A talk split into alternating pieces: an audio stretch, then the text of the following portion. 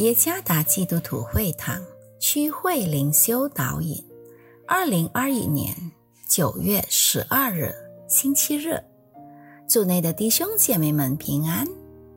今天的灵修导引，我们将会借着圣经耶利米书第一章第七和第八节，以及约翰福音十七章十八节来思想今天的主题。猜我到他的宣教合场。作者彭志堂牧师。耶利米书第一章第七节：耶和华对我说：“你不要说我是年幼的，因为我差遣你到谁那里去，你都要去。我吩咐你说什么话，你都要说。你不要惧怕他们。”因为我与你同在，要拯救你，这是耶和华说的。约翰福音十七章十八节：你怎样猜我到世上，我也照样猜他们到世上。自从我接收基督为我救主和救赎主以后。我开始意识到他给每一位信徒的重要任务，这个任务就是为上帝做见证。无论是神的仆人，还是每位信徒，都被呼召为基督做见证。起初我还不知道如何为上帝做见证，因着渴望被上帝使用。所以我就开始学习有效的见证方法。培训过后，我们开始成立探访团队，向教友、家人和医院病患者做见证。从那时开始，总会有新朋友来我们教会参加崇拜会。倘若弟兄姐妹们能意识到，他们就是基督的见证人，并积极的为他做见证时，那是何等的美好呀！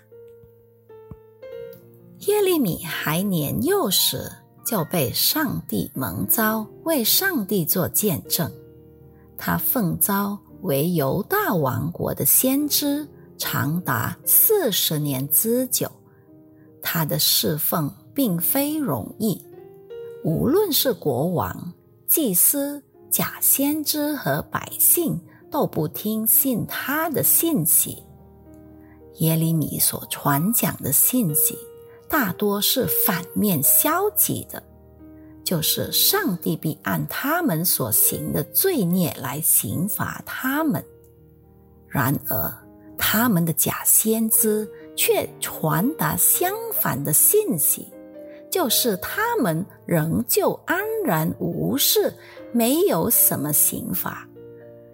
耶利米因传达令人沮丧的信息而被指为破坏者。当时他所服侍的人都不欢迎他，他被一些首领囚在监牢里，又被陷在枯井里，任其挨饿。耶利米在他的侍奉中极其挣扎与悲痛，在这种艰难与逼迫的情况之下，他差点儿想要放弃侍奉。然而，上帝帮助他和引领他再度成为他的见证人。上帝透过耶利米所传达的刑罚讯息。最后果真实现了，国王与犹大百姓都被掳到巴比伦去了。正如耶利米被上帝蒙召为上帝做见证一样，我们所有相信耶稣的人也都被呼召为他做见证。上帝把这个任务交给他的门徒们以及我们大家。参看约翰福音十七章十八节，使徒行传第一章第八节。为基督做见证不是选择，而是使命。无论在家里、职场上，还是被安置在什么地方，让我们学习为基督做见证吧。